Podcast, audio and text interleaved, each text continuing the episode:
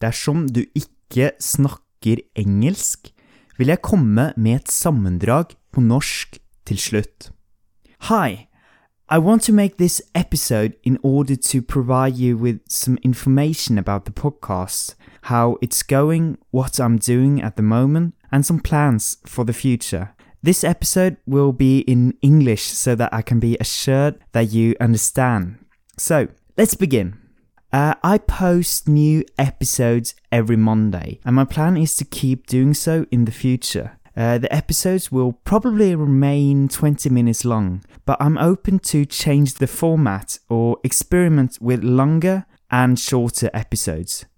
Please do feel free to contact me should you have any ideas or preferences. I do appreciate feedback. Uh, recently, I have been working on improving the audio quality of the episodes. At the moment, I'm re recording the old episodes so that the audio quality will be adequate, so that it will be easier to understand and listen to. When I'm posting this episode, I've updated episode uh, 23 to 34, as well as the first episode. I will keep working so that all or almost all of the episodes will be updated with an improved audio quality. I want to give you a little taste as to what this improvement entails. So, here is a sample from one of the old episode. Episode 29, Globalisering. Hele livet mitt har jeg vært ganske nært knyttet til en større verden. Allerede som tiåring spilte jeg et online-spill som heter Runescape, som knyttet meg til brukere fra hele verden. Okay, so that was the old episode. This is a sample from the new and updated episode. Hele livet mitt har jeg vært ganske nært knyttet til en større verden. Allerede som tiåring spilte jeg et online-spill som heter Runescape, som knyttet meg til brukere fra hele verden. So, hopefully, you can hear the big difference in quality. This takes a lot of time, but I think it's worth it. You can listen to the new and updated episodes right now. To reiterate, I have by now updated episodes 23 to 34 and the first episode. The newer episodes, 35 and up, should have similar audio quality to the updated old ones, so I will not do anything to them right now. Of course, I would like to improve the quality even further, but this requires me to invest in a new microphone and ideally a studio. At present, I do not have the means to do so, unfortunately. But I want to continue to improve the podcast so that you will have a useful resource available to learn Norwegian. I also have some other plans for the future of the podcast. Ideally, I would like to update the website so that it looks nicer and has more resources available to you. For example, I was thinking about underlining hard words and structures in the transcripts and provide translations for them in the text.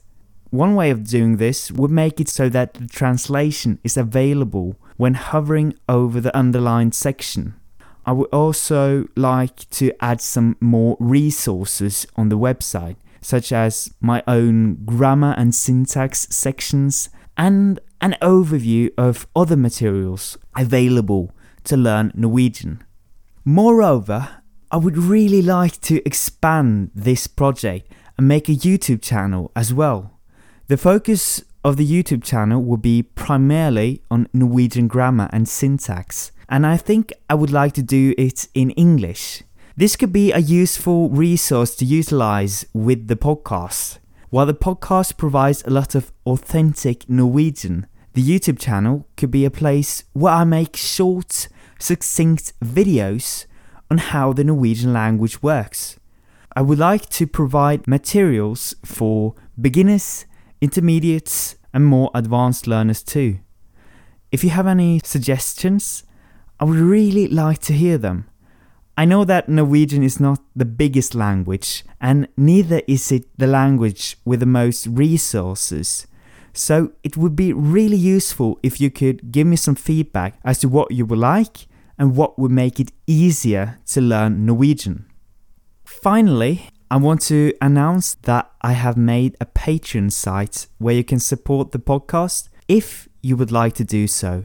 This project takes a lot of my time and I would like to keep improving it.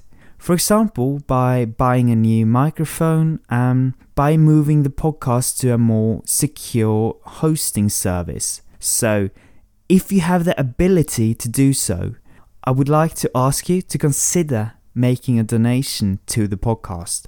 I would really appreciate it, really, really appreciate it.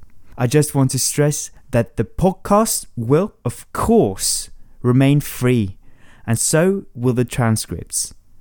The Patreon site is meant as a way of making it possible to support the podcast, but the podcast itself will remain free for everyone forever.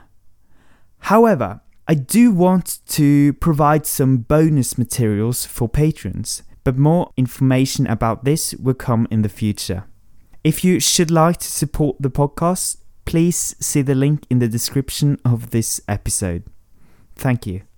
If you have any other ideas, feedback, or something else you would like to say to me, you can contact me via the email for the podcast. You will find the email in the description for this episode. Bye bye. Så, en kjapp oppsummering på norsk. I det siste har jeg jobbet med å oppdatere lydkvaliteten på de gamle episodene. Episode 1 og 23 til 34 har jeg spilt inn på nytt, slik at lydkvaliteten skal være bedre nå.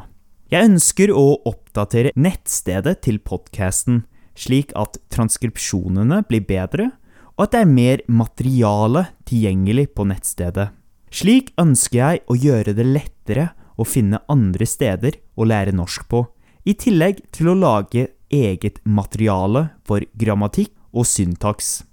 I tillegg har jeg planer om å kanskje lage en YouTube-kanal på engelsk som går igjennom norsk grammatikk og syntaks, tilpasset alle ulike norsknivåer. Til slutt vil jeg bare si at jeg har laget en side på Patrion som gjør det mulig å støtte podkasten med donasjoner.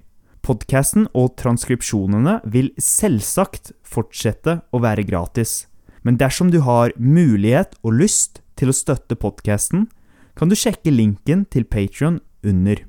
Det tror jeg var alt. Kontakt meg gjerne dersom du har noen spørsmål eller noe lignende. E-posten finner du i deskripsjonen. Ha det bra!